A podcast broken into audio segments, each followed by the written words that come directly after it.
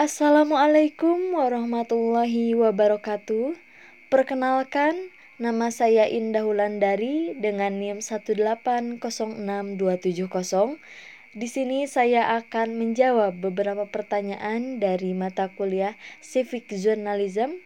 Adapun 8 pertanyaan yang diajukan akan saya jawab semuanya di sini. Yang pertama, apa judul berita yang akan Anda buat? Mungkin di sini Indah akan mengambil tema terkait uh, virus corona yang memang sekarang sedang merebak, namun tidak uh, tidak menjadi penghalang suatu masyarakat yang ingin melakukan suatu kegiatan. Nah, di sini Indah mengambil objeknya itu adalah para buruh. Mengapa para buruh? Uh, karena kita tahu sendiri bahwa sebentar lagi kita akan memasuki bulan Mei yang artinya apa? Pada tanggal 1 Mei itu di diperingati dengan Hari Buruh Nasional. Untuk itu berdasarkan informasi dan sumber-sumber berita yang sudah saya baca bahwa para buruh akan menggelar aksi May Day walaupun di tengah uh, pandemi virus COVID-19 ini. Maka dari itu Indah mengambil judul virus corona dihiraukan, buruh akan tetap gelar aksi May Day. Nah, otomatis ini menjadi pro kontra di terhadap masyarakat ya, terhadap masyarakat sendiri yang memang dia uh, dari golongan buruhkah ataupun dia bukan dari golongan buruhkah? Karena apa? Karena pemerintah sen, uh, pemerintah sendiri dan pejabat uh, setempat sendiri itu sudah melarang adanya kegiatan-kegiatan berkumpul untuk itu, ini menjadi daya tarik terhadap masyarakat yang ingin uh, membaca berita yang akan Indah buat gitu. Nah, untuk itu bagi Indah uh, judul ini uh, sedikit menarik gitu. Ketika uh, para masyarakat atau para pemirsa membaca judul yang Indah uh, berikan, tentu mereka akan penasaran gitu dengan apa yang akan Indah sampaikan selanjutnya. Nah, selanjutnya, bagaimana cara Anda menjelaskan serta meyakinkan berita yang Anda buat kepada pemirsa? Nah, ini mungkin sangat penting bagi kita untuk mempersiapkan uh, agar apa yang kita sampaikan itu bisa meyakinkan para pemirsa Tentunya kita harus memakai bahasa yang komunikatif dan menghindari bahasa-bahasa yang rumit. Dalam penyampaian juga kita harus lugas, harus percaya diri, tidak seperti misalkan kita sekarang sedang ngobrol, kadang suka ada eh e, nah, dalam pembacaan berita itu tidak boleh ada gugup sedikit pun. Jadi, apa yang akan kita sampaikan mungkin tidak bisa secara improvisasi juga dalam uh, penyampaian fakta atau informasi pentingnya itu harus benar-benar dicari secara uh, demikian rupa. Nah, dalam penyampaian pun kita harus uh, dalam penyampaian informasi ya harus benar-benar akurat, singkat, jelas, sederhana dan dapat dipercaya. Nah, itu juga merupakan salah satu tips uh, dalam uh, penulisan berita ya uh, menurut Soren Hamuntov menurut para ahli. Nah, di sini juga cara kita meyakinkan berita yang kita buat kepada pemirsa sesuai dengan harus sesuai dengan panduan nilai-nilai dalam berita juga. Yang pertama, apa yang kita sampaikan itu memang sedang hangat atau timeless atau tepat waktu. Artinya, kita tidak menyampaikan berita yang memang sudah basi atau kadaluarsa yang sudah hilang di telan zaman gitu. Apa yang sekarang sedang hangat itulah yang harus kita sampaikan. Dan kita tentu harus meyakinkan pada uh, pemirsa bahwa memang berita ini memang akurat. Kita mengambil sesuai dengan uh, lokasinya sesuai dengan fakta dan datanya. Nah di sini kan timeless atau tepat waktu tuh uh, apa ya dalam artian kita itu harus bisa mengejar, menyajikan, dan menyiarkan berita secepat mungkin, sehingga faktor aktualitas bagi seluruh berita merupakan dasar utama yang harus dipertimbangkan. Jadi, artinya hangatnya suatu berita menjadi makanan atau menjadi konsumsi penting bagi para pemirsa.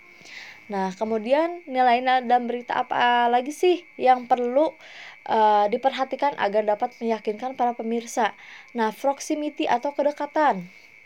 Nah, di sini uh, segi lokasi, segi apa ya, rasnya dan lain sebagainya kita harus uh, mengetahui ya di sini.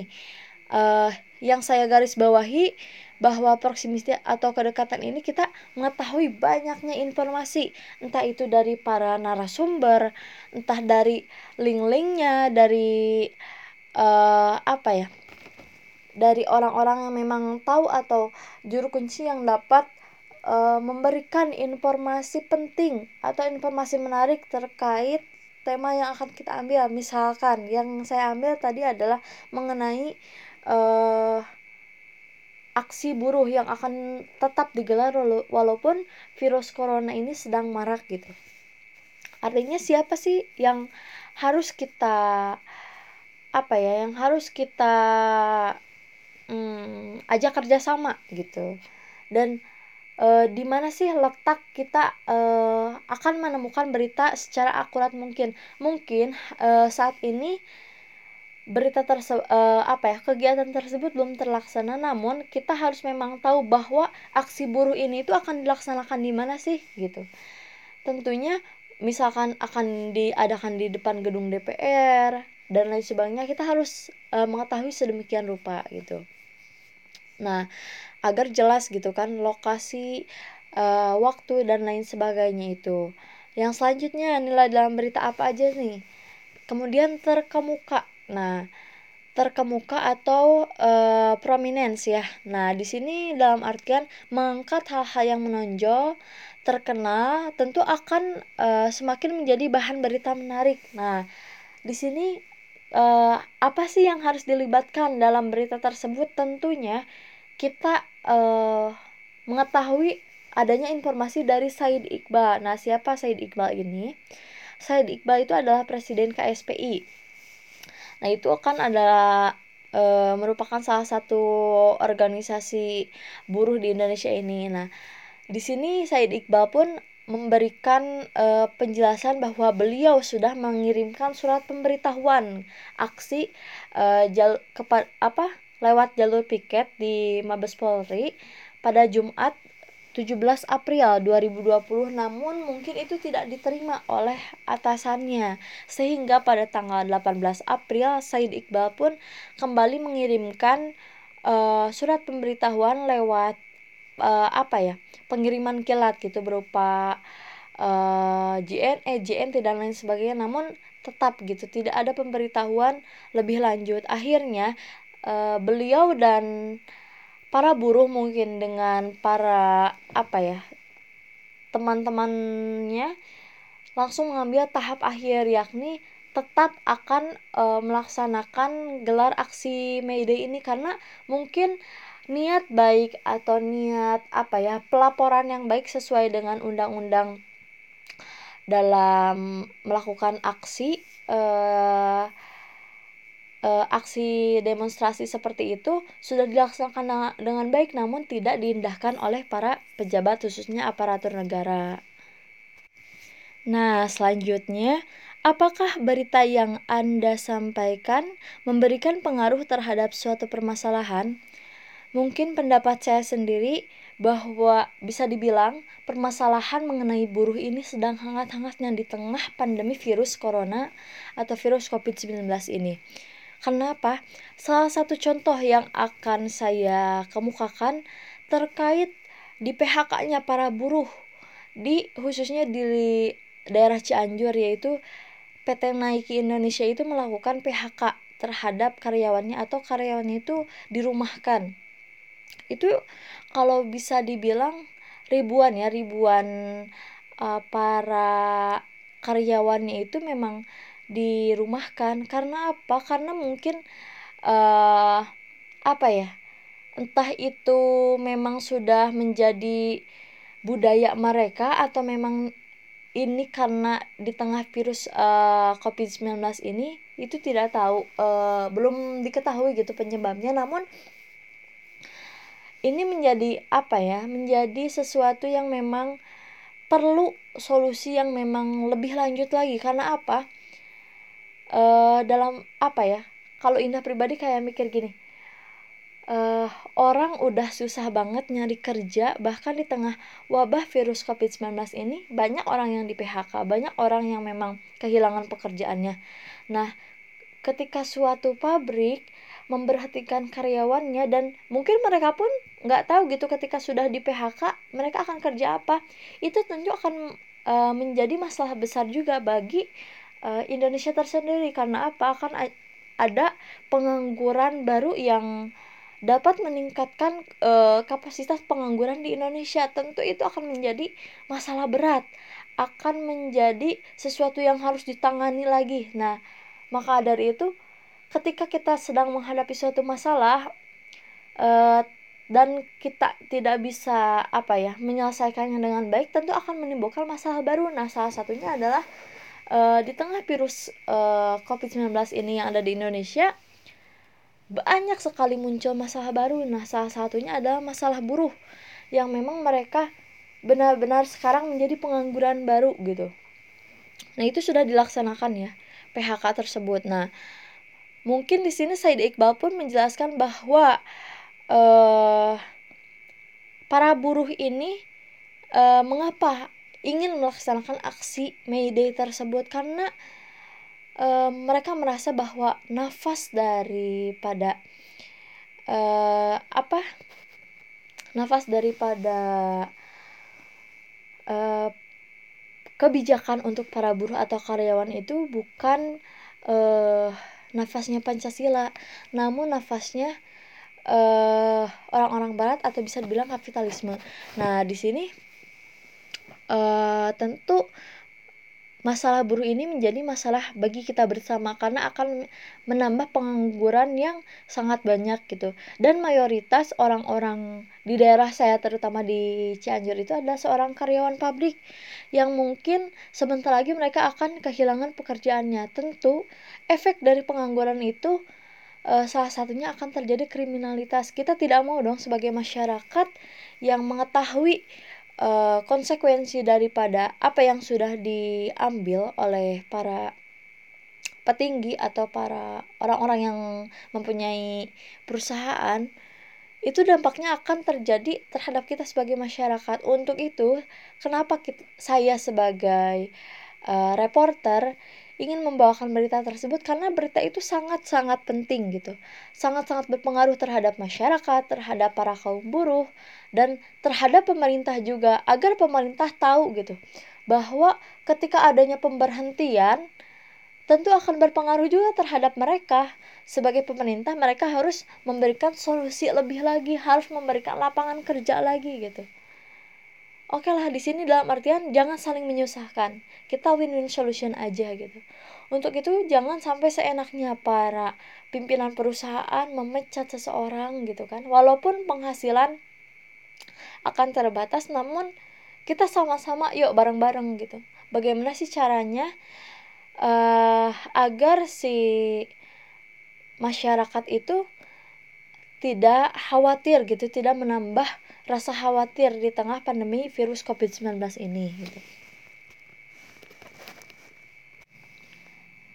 Nih, untuk selanjutnya, bagaimana cara Anda menyajikan berita agar tampak segar, relevan, dan bertenaga? Nah, di sini tentunya ketika Indah ingin menjadi seorang reporter atau akan menjadi seorang reporter tentunya dalam penyampaian berita itu penampilan itu sangat diutamakan juga.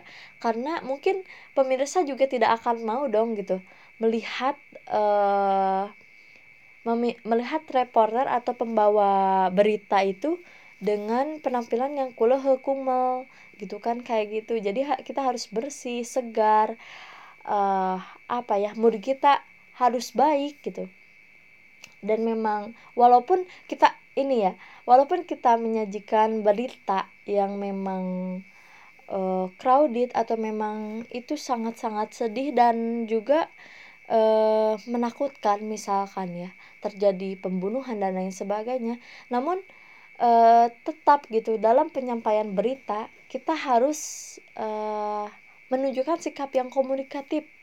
Bahasa kita jangan rumit gitu harus mudah dipahami oleh para pemirsa nah di sini juga uh, kita jangan membawa masalah pribadi kita terhadap pekerjaan kita gitu. Jadi kita harus profesional dalam artian ketika kita ingin uh, menjadi reporter, masalah-masalah yang kita punya harus kita simpan terlebih dahulu bahkan harus kita hilangkan gitu. Kita harus fokus terhadap informasi yang akan kita bawakan gitu seperti itu.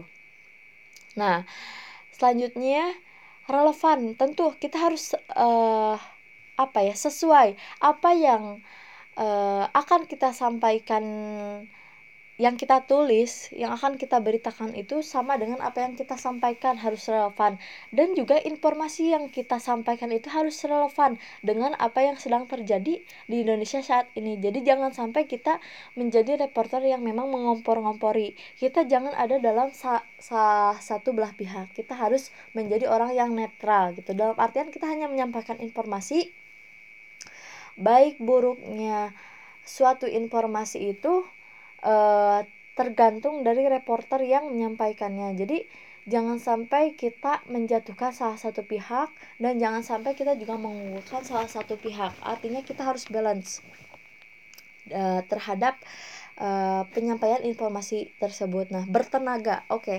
Di sini kalau kita menyampaikan suatu berita itu dengan bahasa Sundanya malah celem-celem gitu kan uh, diberitakan nih nih nih, nih. Semua orang mungkin sebagai pemirsa hoream gitu. Apaan sih ini? Berita apaan gitu?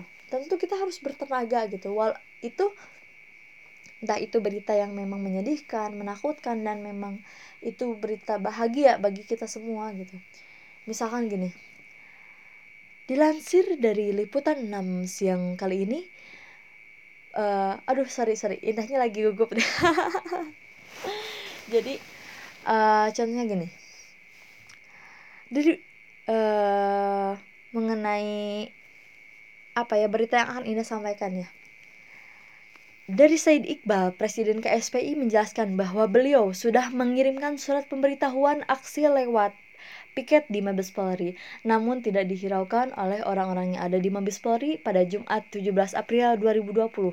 Lalu, pada 18 April 2020, tepatnya hari Sabtu, beliau mengirimkan kembali lewat pesan kilat, namun tetap tidak dihiraukan oleh para pemerintah setempat atau aparatur negara di Mabes Polri.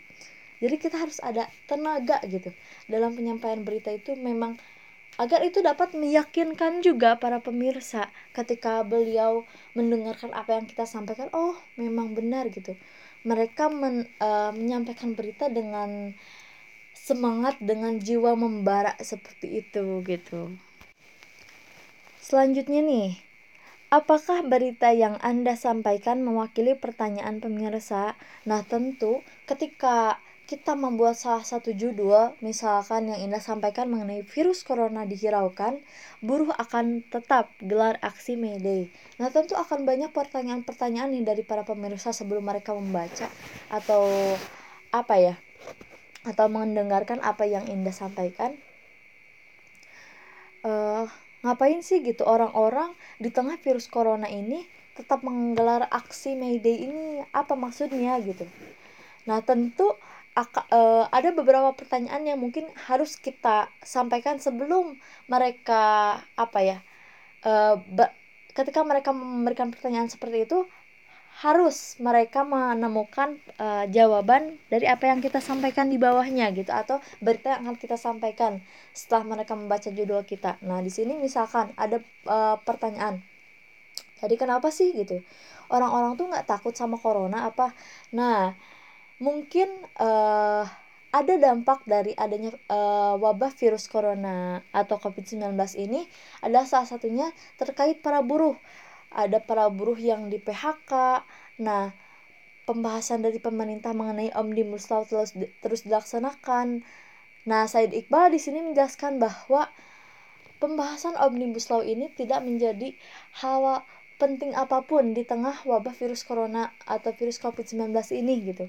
Yang perlu diperhatikan di sini adalah para karyawan yang di PHK tanpa sebab gitu. Itu ini akan menimbulkan pengangguran baru nih yang lebih yang akan menjadi masalah baru dan perlu solusi baru. Uh, apa ya istilahnya mah pemerintah sekarang sedang pusing-pusingnya dengan virus corona. Eh ditambah lagi dengan masalah baru mengenai pengangguran gitu. Nah itu perlu uh, adanya solusi yang uh, apa ya yang memang tidak merugikan salah satu pihak entah itu para buruh maupun para pemerintah dan para uh, para pimpinan perusahaan.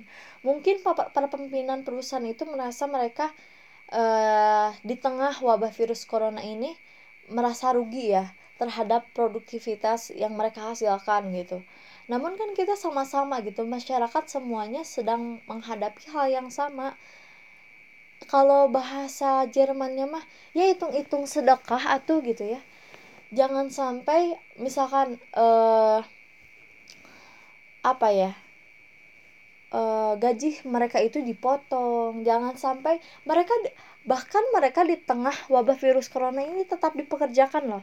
Nah salah satunya adalah pabrik yang ada di daerah Cianjur yaitu pabrik Nike dan GSI uh, eh, mengapa saya menjelaskan seperti itu? Karena uh, ada sebagian keluarga saya yang bekerja di sana dan mereka tetap melaksanakan kerja dengan uh, apa ya dengan APD yang seadanya yaitu salah satunya adalah masker gitu. Ya bisa kita bayangkan bahwa orang-orang yang kerja di pabrik itu sangat banyak bahkan ribuan ya. Jadi sangat rentan gitu terjadi uh, apa ya penularan wabah penyakit gitu. Tapi mereka tetap tidak menghiraukan hal-hal kesehatan terkait karyawannya sendiri gitu. Jadi ini tentu akan mewakili pertanyaan-pertanyaan pemirsa. Iya ngapain sih gitu para pimpinan perusahaan e, melaksan apa ya e, ngelakuin hal tersebut? Ada apa nih gitu? Nah terus e, tentu akan timbul pertanyaan juga nih. E, apa sih yang akan buruh uh, tuntut gitu di tengah wabah virus corona ini. Nah, yang akan buruh tuntut itu adalah mengenai uh, penolakan Omnibus Law yang memang sebelum adanya wabah virus corona ini itu sedang hangat-hangatnya dibicarakan di Indonesia. Penolakan Omnibus Law tentang hak cipta kerja, kemudian mengenai uh, stop PHK dan juga uh, buruh harus diliburkan di tengah wabah virus corona ini gitu. Karena ini sangat membahayakan bagi kesehatan mereka juga gitu. Entah mereka nanti di keluarga itu kan ketika mereka sudah tertular penyakit tentu akan menularkannya juga terhadap keluarga gitu khususnya. Jadi itu sangat-sangat penting gitu uh, pembahasannya gitu. Itu akan mewakili pertanyaan-pertanyaan dari para pemirsa gitu. Nah uh, mengapa sih gitu gitu? Para buruh tetap akan melaksanakan gelar e, aksi ini gitu. Nah karena apa? Karena mereka sudah mengajukan sebelumnya surat pemberitahuan aksi gitu. Namun tidak diindahkan oleh para e, aparatur negara khususnya di sini Mabes Polri. Nah e, memang e, mungkin pemirsa akan menanyakan juga. Nah apa uh, yang dapat meyakinkan kami sebagai uh, masyarakat agar mereka tetap bisa melaksanakan aksi buruh namun tetap menjaga uh, apa ya namun dengan sesuai protokol peraturan kesehatan saat ini gitu. Nah mereka menjelaskan bahwa mereka akan tetap memakai APD dan juga physical distancing gitu ketika nanti akan melaksanakan aksi buruh di sini. Nah di sini juga kita jangan sampai menyalahkan para aparatur negara. Di sini uh, pasti tentu pemirsa akan menanyakan nah mengapa sih uh, hal ini tidak diindahkan oleh para aparatur negara? Tentunya bukan tidak diindahkan sama sekali tapi Mabes Polri uh, atau Kabid Humas uh, Polda Metro Jaya ini sudah memberikan apa ya ultimatum bahwa tidak boleh adanya acara atau kegiatan berkumpul e, masyarakat atau kegiatan lain sebagainya seperti demonstran itu akan dibubarkan atau akan ditolak oleh Mabes Polri. Karena itu sangat rentan e, menyebabkan penularan penyakit gitu yang kita tidak ketahui dari mana asalnya gitu.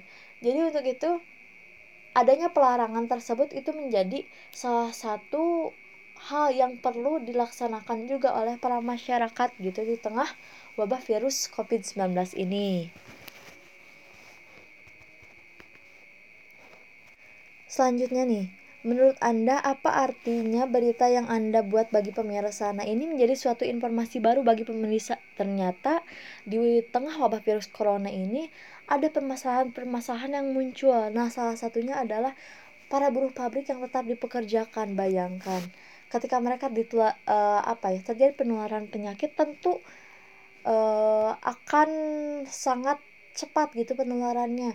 Nah, ini juga menjadi informasi bagi para pemerintah, bagi para orang-orang penting, DPR dan lain sebagainya terhadap permasalahan baru yang mungkin harus dicari solusi yang tepat bagi penanganan masalah baru atau terhadap pengangguran yang di PHK ini gitu. Apakah penciptaan lapangan kerja?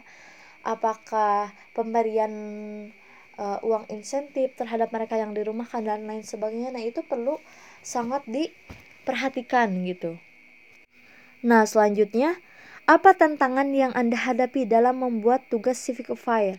Nah, mungkin yang saya uh, apa ya hadapi atau tantangan dan hambatan yang saya hadapi di sini terkait pengumpulan fakta. Tentunya saya tidak boleh uh, asal mengambil sumber dari mana pun, misalkan dari internet atau dari media dan lain sebagainya itu harus dengan sangat hati-hati gitu. Jadi tidak boleh informasi yang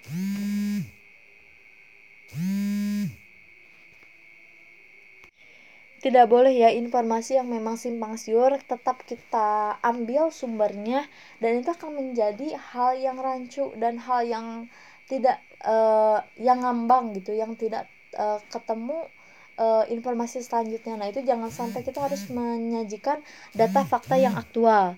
Uh, bahkan yang hangat saat itu juga mungkin saat pembawaan ya pembawaan berita juga itu menjadi hambatan karena uh, Indah harus menyampaikan dengan bahasa yang sangat komunikatif dan Indah harus memperhatikan kehati-hatian dalam penyampaian berita. Jangan sampai Indah keceletot jangan sampai salah penafsiran bagi para pemirsa jadi harus relevan harus sesuai dengan apa yang Indah dapatkan informasinya dan Indah harus sampaikan secara uh, sedemikian rupa juga Nah, mungkin apalagi ya hambatan yang akan indah uh, tantangan yang akan indah hadapi. Nah, dalam penyampaian juga dalam penerimaan dari para pemirsa nih, apakah mereka akan percaya dengan apa yang indah sampaikan atau memang hanya menjadi uh, hal yang di apa ya tidak di eh, dihiraukan begitu saja gitu oleh mereka nah tentu di sini indah harus adanya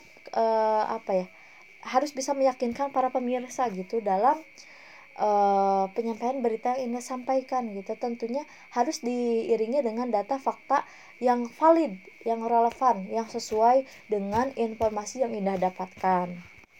Nah, di sini ada pun solusi yang perlu Indah uh, atau yang Indah tawarkan yaitu Indah harus lebih banyak membaca, membaca lagi dan membaca ikro. Jadi jangan sampai hanya membaca suatu satu informasi saja gitu. Kemudian Indah sampaikan kepada orang lain tidak tidak seperti itu.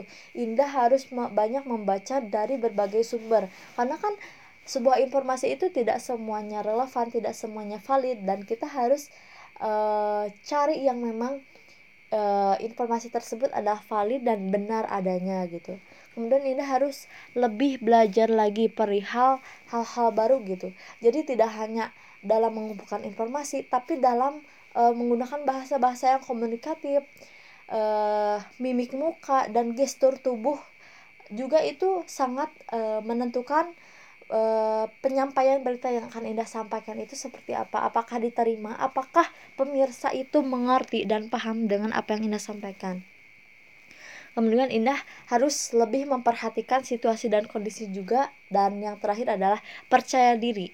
Apa pun yang akan terjadi pada saat itu tentunya kita akan percaya di, harus percaya diri dengan apa yang kita sampaikan. Karena sebelumnya kita sudah menyampaikan eh, mengumpulkan berita atau informasi-informasi yang memang akurat dan sesuai dengan fakta. Untuk itu kita harus percaya diri. Ini demi kemaslahatan e, bangsa dan negara kita. Jadi kita tidak boleh memihak pada satu pihak kita harus netral dan profesional apa yang kita sampaikan itu adalah sebagai bentuk uh, ibadah juga gitu bahwa kita menyampaikan informasi yang benar mungkin hanya itu yang dapat Indah sampaikan lebih dan kurangnya mohon dimaafkan wassalamualaikum warahmatullahi wabarakatuh